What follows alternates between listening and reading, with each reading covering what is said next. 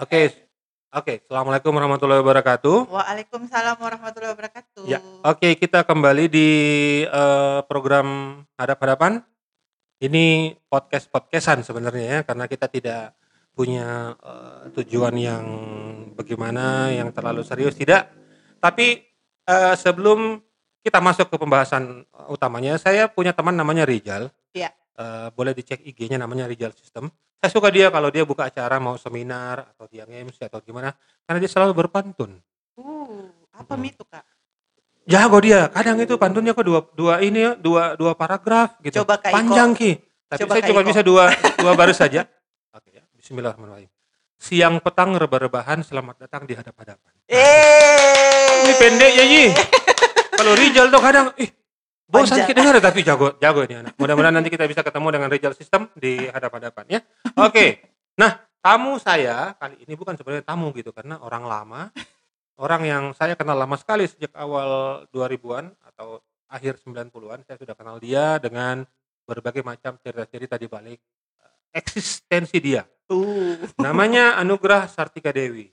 Tapi Hai. eh, dia terkenal dengan nama Uga, ya Uga. Kalau kita eh, googling Anugerah Sartika Dewi yang muncul bukan dia. Artinya ada beberapa hal yang sebenarnya Uga juga harus oh ya deh saya saya pakai nama itu deh Anugerah Sartika Dewi. Anugerah, gitu. Aduh. Gitu, Tidak detail Kak. orangnya, Kak. Kita tos dulu. Ini Oh. kita tandanya sudah dimulai. Besar sekali emasnya. Pak Balu, Pak Balu emas barangkali juga. Nah, Uga ini adalah ibu satu anak. Hmm, Anaknya sekarang sudah SMP kelas tiga. 3 Iya. Yang itu mau mau mau dikemanakan mau diarahkan ke mana anaknya itu? Dia mau masuk ke sekolah sains. Sains. Iya. IT IT. dia bisa apa sekarang? Maksudnya sudah bisa bikin program atau apa? Atau dia Eh, sementara Dia belajar? lebih ngolek ke website, oke. Iya. oke bikin pem- konten eh, apa lagi nah tools-tools aplikasi. wow. Oke ya mudah-mudahan juga nanti eh, Grass Team bisa menjadi apa yang diharapkan oleh orang tuanya. Nah eh, bicara tentang Uga tahun 2000-an awal saya sudah tahu ada satu eh, anak muda perempuan ya yang namanya Uga gitu. tapi saya mau dia yang cerita dirinya dulu sebelum sebelum eh, saya bisa mengintervensi apa yang dia bilang eh, dengan apa yang saya tahu silakan Aduh, terima kasih ya Kak Iko Ya. sudah ditanya-tanya. Eh, Teman-teman eh, bahagia sekali hari ini bisa ada di hadap-hadapan. Jadi ceritanya saya itu sempat kuliah kedokteran. Tiga tahun, ya hampir eh, masuk semester masuk semester 6 di Universitas Hasanuddin pada saat itu. Ternyata anak unhas lima semester ya tapi kayaknya eh, jiwanya tidak di situ. Eh, raganya di Makassar jiwanya di mana-mana. Pada saat itu Oke. usianya masih ya belum tahu lah mau ke mana. Terus? Terus pada saat itu saya coba liburan Mm, ke Bali. Ternyata di Bali tuh barulah terbuka otaknya kalau hmm di sana lebih luas mungkin ketemu orang banyak jadi lebih ke eh, mengenal lagi apa yang saya mau ternyata jiwanya tidak di kedokteran padahal background orang tua dua-duanya di kedokteran Oke, sebagai catatan, bapak dan ibunya Uga ini dulunya adalah dokter. ya Ya. Biasanya, apalagi di Makassar, kalau orang tua dokter, biasanya anaknya dokter. iya biasanya Uga malah tidak mau jadi dokter. Iya Padahal sudah lima semester yes di Unhas. Iya. Susah sekali masuk ke sana. betul Oke, setelah pulang dari Bali, Eh, tidak. Jadi saya di Hmm. Bali akhirnya menetap Kak, tidak kuliah Oke, lagi. oke. Jadi selama setahun di sana, ternyata di sana juga banyak orang Makassar. Saya nyaman, akhirnya mengenal namanya bisnis art. Oke. Ternyata, oh ya, art itu bisa menghasilkan uang. Dan ternyata jiwanya saya di situ ternyata. Jadi matung, melukis, sampai ke dunia tato Oke. akhirnya ketemu sama anak Makassar eh, inisialnya A Ya. terus akhirnya dengan kesepakatan kami balik ke Makassar, Makassar, untuk mhm. bikin sesuatu. Iya. Di Oke. Makassar akhirnya saya mengembangkan dunia tato pertama kali di Makassar. Oke. Waktu itu belum banyak ya? Belum ada. Belum ada. Iya, yang maksudnya profesional ya, Kak. Iya. Eh, Tapi kan sebenarnya kalau jadi dokter juga lebih banyak uangnya. eh, tapi kayaknya tidak punya tantangan. Oh gitu. Oke. Kayaknya Oke. biasa aja.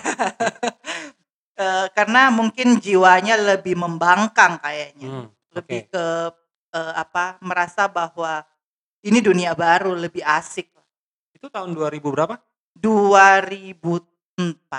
2004. Iya. Oke. Nah, setelah eh, bersepakat dengan beberapa Iya, orang, terus iya. Uga balik ke Makassar, Iya. bikin bisnis eh, tato, apalagi yang dibikin? Eh, clothing, sablon, Oke. eh, bisnis, eh, musik juga. Mhm. Sudah bikin-bikin event? Iya, event underground namanya. Oke. Iya. Oke, ada bisa di ini bisa dikasih tahu siapa band yang da- didatangkan dulu? Pertama kali datangkan marginal. Wow. Jadi kalau ada yang tahu ya, marginal Oke. eh, punk rock. Jadi bikin scene punk rock di Makassar Mhm. lebih besar. Oke. Baik Dan bisnis- sekarang besar sekali. Sekarang besar sekali tapi kayaknya tidak berkembang lagi. Oke. Lebih karena mungkin eh, basicnya sudah berbeda dari, dari- dibanding tahun 2004 2005. Iya, mungkin jiwanya masih berapi-api pada saat itu. Oke, dan berapi-api dan eh, sedikit eh, sarananya. Iya, sedikit Jadi semuanya harus dilakukan sendiri. Betul, betul. Oke. Iya. Oke. Nah, setelah itu Heeh. eh sekitar saya, saya lupa tahun berapa. Iya. Eh, tapi waktu itu saya saya kenal Uga itu dari tampilan dia yang yang kurang lebih waktu itu nyentrik karena dia anaknya putih, tinggi, kakinya panjang gitu. Jadi kalau jalan cepat dan saya sering lihat dia di Mall Panakukang gitu. Rambutnya poki ya dan kain- Bajunya kurang kain. bajunya kurang kain. Ya, begitulah dia. Tapi mungkin karena eh, anak dokter jadi ada obat di rumah untuk mengurangi masuk angin mungkin. Padahal pakai minyak gosok. Beberapa tahun kemudian, Ya. saya pernah ada di Jakarta dalam dalam urusan eh, permusikan juga. Terus 2007. 2007, Ya. 2007. Tiba-tiba itu waktu itu BBM-an ya dulu ya. Iya, BBM-an, BBM-an Terus zaman Uga BBM. bilang gini, Kak saya ada di bawah gitu. Eh, Iya. Di Grand Indonesia. Iya. Terus saya turun ke bawah, lantai bawah. Terus saya lihat Uga, ah saya saya agak bingung karena Uga itu rambutnya sudah segini, Sudah rapi. le- lebih perempuan, lebih perempuan, terus sebahu. pakai blazer, Ya, pakai blazer, nah, pakai blazer. Ya walaupun juga eh, blazernya digulung sampai. Tetap rock and roll Tetap ya. rock and roll. Terus saya tanya, apa kau bikin di sini? Bilang, Iya, saya sekarang lagi coba-coba untuk menghandle eh, Syahrini. Syahrini waktu itu. Iya. Wow. Awal banget. Nah, kenapa bisa masuk ke lingkungan itu di Jakarta? Iya. Lingkungan eh, maksudnya orang-orang yang ngurusin artis-artis. Jadi sebenarnya Kak, saya waktu di Makassar kan mencoba membangun industri underground Ya. lebih berbisnis. Salah satunya ngundang marginal. Marginal itu akhirnya saya melebarkanlah link berteman dari tadinya cuman kenal begitu akhirnya Mhm. saya berteman. Terus saya iseng kalau ke Jakarta saya mau ketemu mereka. Ya. Akhirnya singkat cerita saya di Makassar merasa sudah selesai secara Mhm. Jati diri mungkin, pindahlah saya ke Makassar, eh, ke Jakarta. Jakarta. Jakarta ketemu Marginal. Marginal itu waktu itu kerjasama sama Mbak Rike Dia Pitaloka. Oke. Dia itu eh, artis yang lagi posisinya mau nyalek Ya. di partai Mhm, PDI. mhm. Eh, akhirnya singkat cerita ngobrol-ngobrol-ngobrol, eh, saya disadarkan sama satu pembahasan bahwa perempuan itu pun harus melebarkan sayap Mhm. eh, dari link saya ikutlah sama beliau. Saya memberanikan diri untuk ikut ketemu sama beberapa artis dan mengikuti juga waktu dia nyalek dan segala macam. Sempat ditawarkan jadi eh, apa asisten ahlinya beliau di timnya waktu di DPR waktu itu. Hmm. Kayaknya cuma dua minggu bertahan Hmm. nggak nggak lama. Kayaknya jiwa saya nggak di sini. Pada saat itu saya bilanglah sama Mbak Rike, Mbak saya kayaknya nggak di sinilah. Saya butuh eh, tempat lain untuk mengasah skill. Dibawalah ke Mas Tio Pasukadewo. Jadi waktu itu Mas Tio itu jadi direct video klip Sahrini pada saat itu. Akhirnya Mas Tio itu senang ngobrol. Terus dia tertarik dengan Toraja, Makassar. Terus saya beberapa kali juga banyak bantu beliau dan saya akhirnya mengenal sistem persutingan. Oh, begini Pas produksi film, ternyata ya. nih Uga dulu ya. Pas syuting. Setelah itu tim Sahari ini kayaknya untuk media belum. Hmm. Nah, Hmm. didaulatlah saya sama Mas Tio, bisa nggak Uga tuh jadi PR-nya waktu Hmm, itu hmm. awal. Akhirnya teruslah Kak, saya dari Syahrini ke beberapa artis. Oke. Ya BCL, ya Vidial Diano, Audi sempat. Nah, setelah itu Uga itu setahu saya dia megang a- Abdul. Abdul Kofetiori, Ha-ha. Tessa Sumendra, Di DJ Pabarus? Pabarus. Oke. Nah, eh setelah itu setelah berkembangnya Uga dengan skill dan kemampuannya ber, ber- bersosialisasi ke mana-mana di Iya, Jakarta, betul. akhirnya Uga ini termasuk salah satu orang yang kita harus ketemu kalau di Jakarta. Harus dan ketemu. memang dan memang pergaulannya dengan dunia dunia keartisan lah istilahnya dengan Iya. dunia ke manajeran itu juga termasuk luas. Lambe Tura ya, Kak. Iya. Ini dia pernah bilang dia kenal Lambe Tura Eh, sangat kenal. mahal ya Uh, sekali posting. Iya, oke, begitulah. Nah, Uga itu di Jakarta bergaul dan dan tergabung dalam satu komunitas namanya Imarindo. Iya, Itu Ikatan im- Manajer Indonesia. Indonesia banyak ya orang eh, manajer Sekitar 300 something, 370-an. dari Makassar Cuman saya sendiri. cuman Uga sendiri. Iya. Sebenarnya ada manajer orang Makassar tapi tidak masuk ke situ ya. Eh, ya mungkin, tapi itu kan di daftar ya, ada ada eh, kartunya juga. Iya. Itu Terus manfaatnya dilindungi. bagaimana di Imarindo? Kita dilindungi, Mhm. terus eh, ya disupport juga, Oke. ada kegiatan apa pun Oke.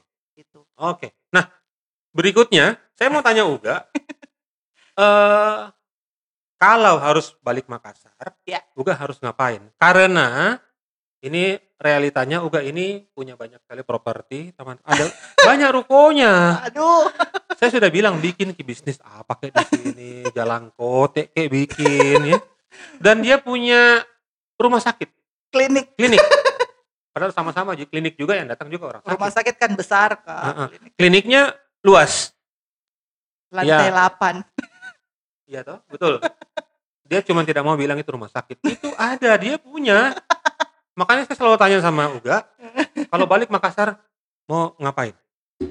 Eh, balik Makassar mau kerja di cekrek Eh, belum terpikir sih kak Ya. tapi sebenarnya juga lebih mau apa eh, mengembangkan teman-teman di Makassar dan mungkin mau mengaplikasikan ilmu saya yang sudah saya dapat di Jakarta. Dan banyak anak Makassar yang sementara mengadu nasib di Jakarta ya. Iya banyak sekali banyak sekali. itu banyak bagaimana menurut Uga? Apakah ada yang potensial? eh kalau dibilang bagaimana anak Makassar di Jakarta harusnya punya mental itu Hmm, kunci hmm, pertama. hmm. Yang kedua eh, sebenarnya kalau anak Makassar bisa jaga originalitas Ya. bisa sebenarnya berkembang di di Jakarta. Eh, di antara beberapa orang itu eh, mungkin yang yang sekarang lagi naik itu Maizura. Ya, Maizura. Maizura. Mudah-mudahan mudah-mudahan Maizura juga berhasil menjadi Mudah-mudahan. kebanggaan kita Saya ya, aja belum ketemu kak. Oh gitu. Maizura kalau nonton ini harus ketemu Uga ya. Sekarang lagi di Makassar. Nanti kalau di Jakarta juga harus ketemu ya. Nah, eh berikutnya ini mungkin pertanyaan terakhir. Ya. harus memilih antara eh, keluarga di Makassar atau karir di Jakarta. Uga pilih apa? Keluarga di Makassar kak. Kenapa? Eh, Karirnya sudah panjang, cukup panjang dari 2004 di Jakarta. Aduh iya, Su- Hmm. eh, saya berkarir hampir 13 tahun di Mhm. industri eh, musik. Ya. Mungkin ya merasa bahwa ternyata apa pun jauhnya kita pergi pulang ke Makassar lebih nyaman. Pulang ke Makassar lebih nyaman itu lebih alasannya ya. nyaman. Kalau nantinya eh, Uga punya momongan yang baru, anak bayi lagi. Aduh, itu amin.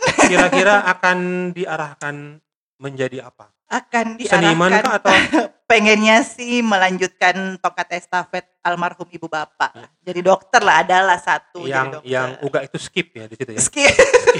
Jadi dia mudah-mudahan nanti eh, apa yang menjadi cita-cita Uga itu Amin. mudah-mudahan saya juga selalu selalu ber- berdoa untuk Uga mudah-mudahan diberi Amin. karena saya sebenarnya mau sekali dia punya anak anak bayi lagi. Iya, mau sekali. ya. Oke, mudah-mudahan dengan adanya eh, Uga lama di Makassar itu bisa eh, Amin. terwujud. Nah, beberapa eh, poin yang saya sempat catat dari berhadapan dengan Anugerah Sartika Dewi adalah dia ini orangnya pembangkang. Ya. Dia, su- dia suka mendobrak. Waktu SMA, sorry, eh, kuliah, Kuliah. itu maunya orang tuanya jadi dokter Iya, seperti betul. ibu dan bapaknya, ternyata Iya. dia menjadi eh, tukang sablon. yang kedua, tukang sablon. Ketiga, ini yang bagus. eh, kalau mau jadi di mana pun, Iya. mau di Makassar, mau di Jakarta, harus dibuka link yang betul sebesar-besarnya, Harus, sebanyak-banyaknya. harus, Ya. harus. betul harus berani mengenal orang banyak Itu dulu berani mengenal. Ya. Karena biasanya kalau orang Makassar itu mau kenalan sama orang saja gengsinya. ya betul betul Gengsi terus malu, Malu. siri-siri Iya, gitu. betul. Padahal kan sebenarnya ditabrak. Jadi ya harusnya harusnya bagaimana Jangan tipsnya? siri-siri. Bagaimana tipsnya untuk ketemu orang? saya sih tidak ada Maluku kak Mm-mm. cuman hai apa kabar Iya. saya Uga Iya kan cewek itu enak. gitu. Kalau ya, nah berikutnya eh, untuk menjadi eh, orang yang sukses menurut juga eh, dengan dasar bahwa dia adalah seorang manajer yang bergaul di Jakarta dan punya komunitas yang namanya Imarindo banyak Iya. sekali manajer artis yang Iya, ya betul. ini ini adalah orang-orang yang ada di belakang layar ya ya betul dari perkembangan banyak sekali penyanyi dan band. Iya. Kita harus punya pola bisnis yang bagus. ya pola bisnis Mm, betul mm, kak mm. Jadi siapa pun mau eh, solois atau band atau apa pun atau pengusaha harus punya pola bisnis. betul Sekarang saya tantang Uga untuk bikin bisnis di, in- eh, di Makassar. Amin Ya, doakan ya Kan sudah punya pola bisnis seharusnya ya. Mudah-mudahan ya. amin Bukan nih? ya Oke. Ya pas kita di menit ke-17 ya. Cuman lebih dua menit. Terima kasih Iya, juga Kak, sudah sama-sama. datang. Mudah-mudahan apa yang kita uh, bicarakan ini menjadi uh, minimal buat saya dan juga bisa menjadi satu hal yang bikin kita ingin lebih berkembang. Betul amin amin, Amin. ya. Nah, buat teman-teman uh, siapa pun mau senior, semuanya. Kalau mau ki berusaha, Ya. mau ki berbisnis, mau ki berkarir di dunia entertainment, mau jadi anak band, mau jadi apa pun juga harus ki uh, berani. Berani. Dan jangan ki malu gitu karena kita punya orang Makassar punya punya apa namanya punya semangat. Ya punya integritas tinggi. Integritas tinggi. Ya. oke terima Ewa kasih. Ewa kok. Hah? terima kasih Uga telah Iya, datang di sini. Mudah-mudahan sehat-sehat keluarganya. Amin. Salam buat keluarga di rumah. Terima kasih kak. Kita tutup dulu. Kita berhadapan-hadapan lagi dengan nah, siapa di belum kita belum ini belum belum uh, bisa kasih tahu siapa. Sampai ketemu lagi. Assalamualaikum. Waalaikumsalam. Ih,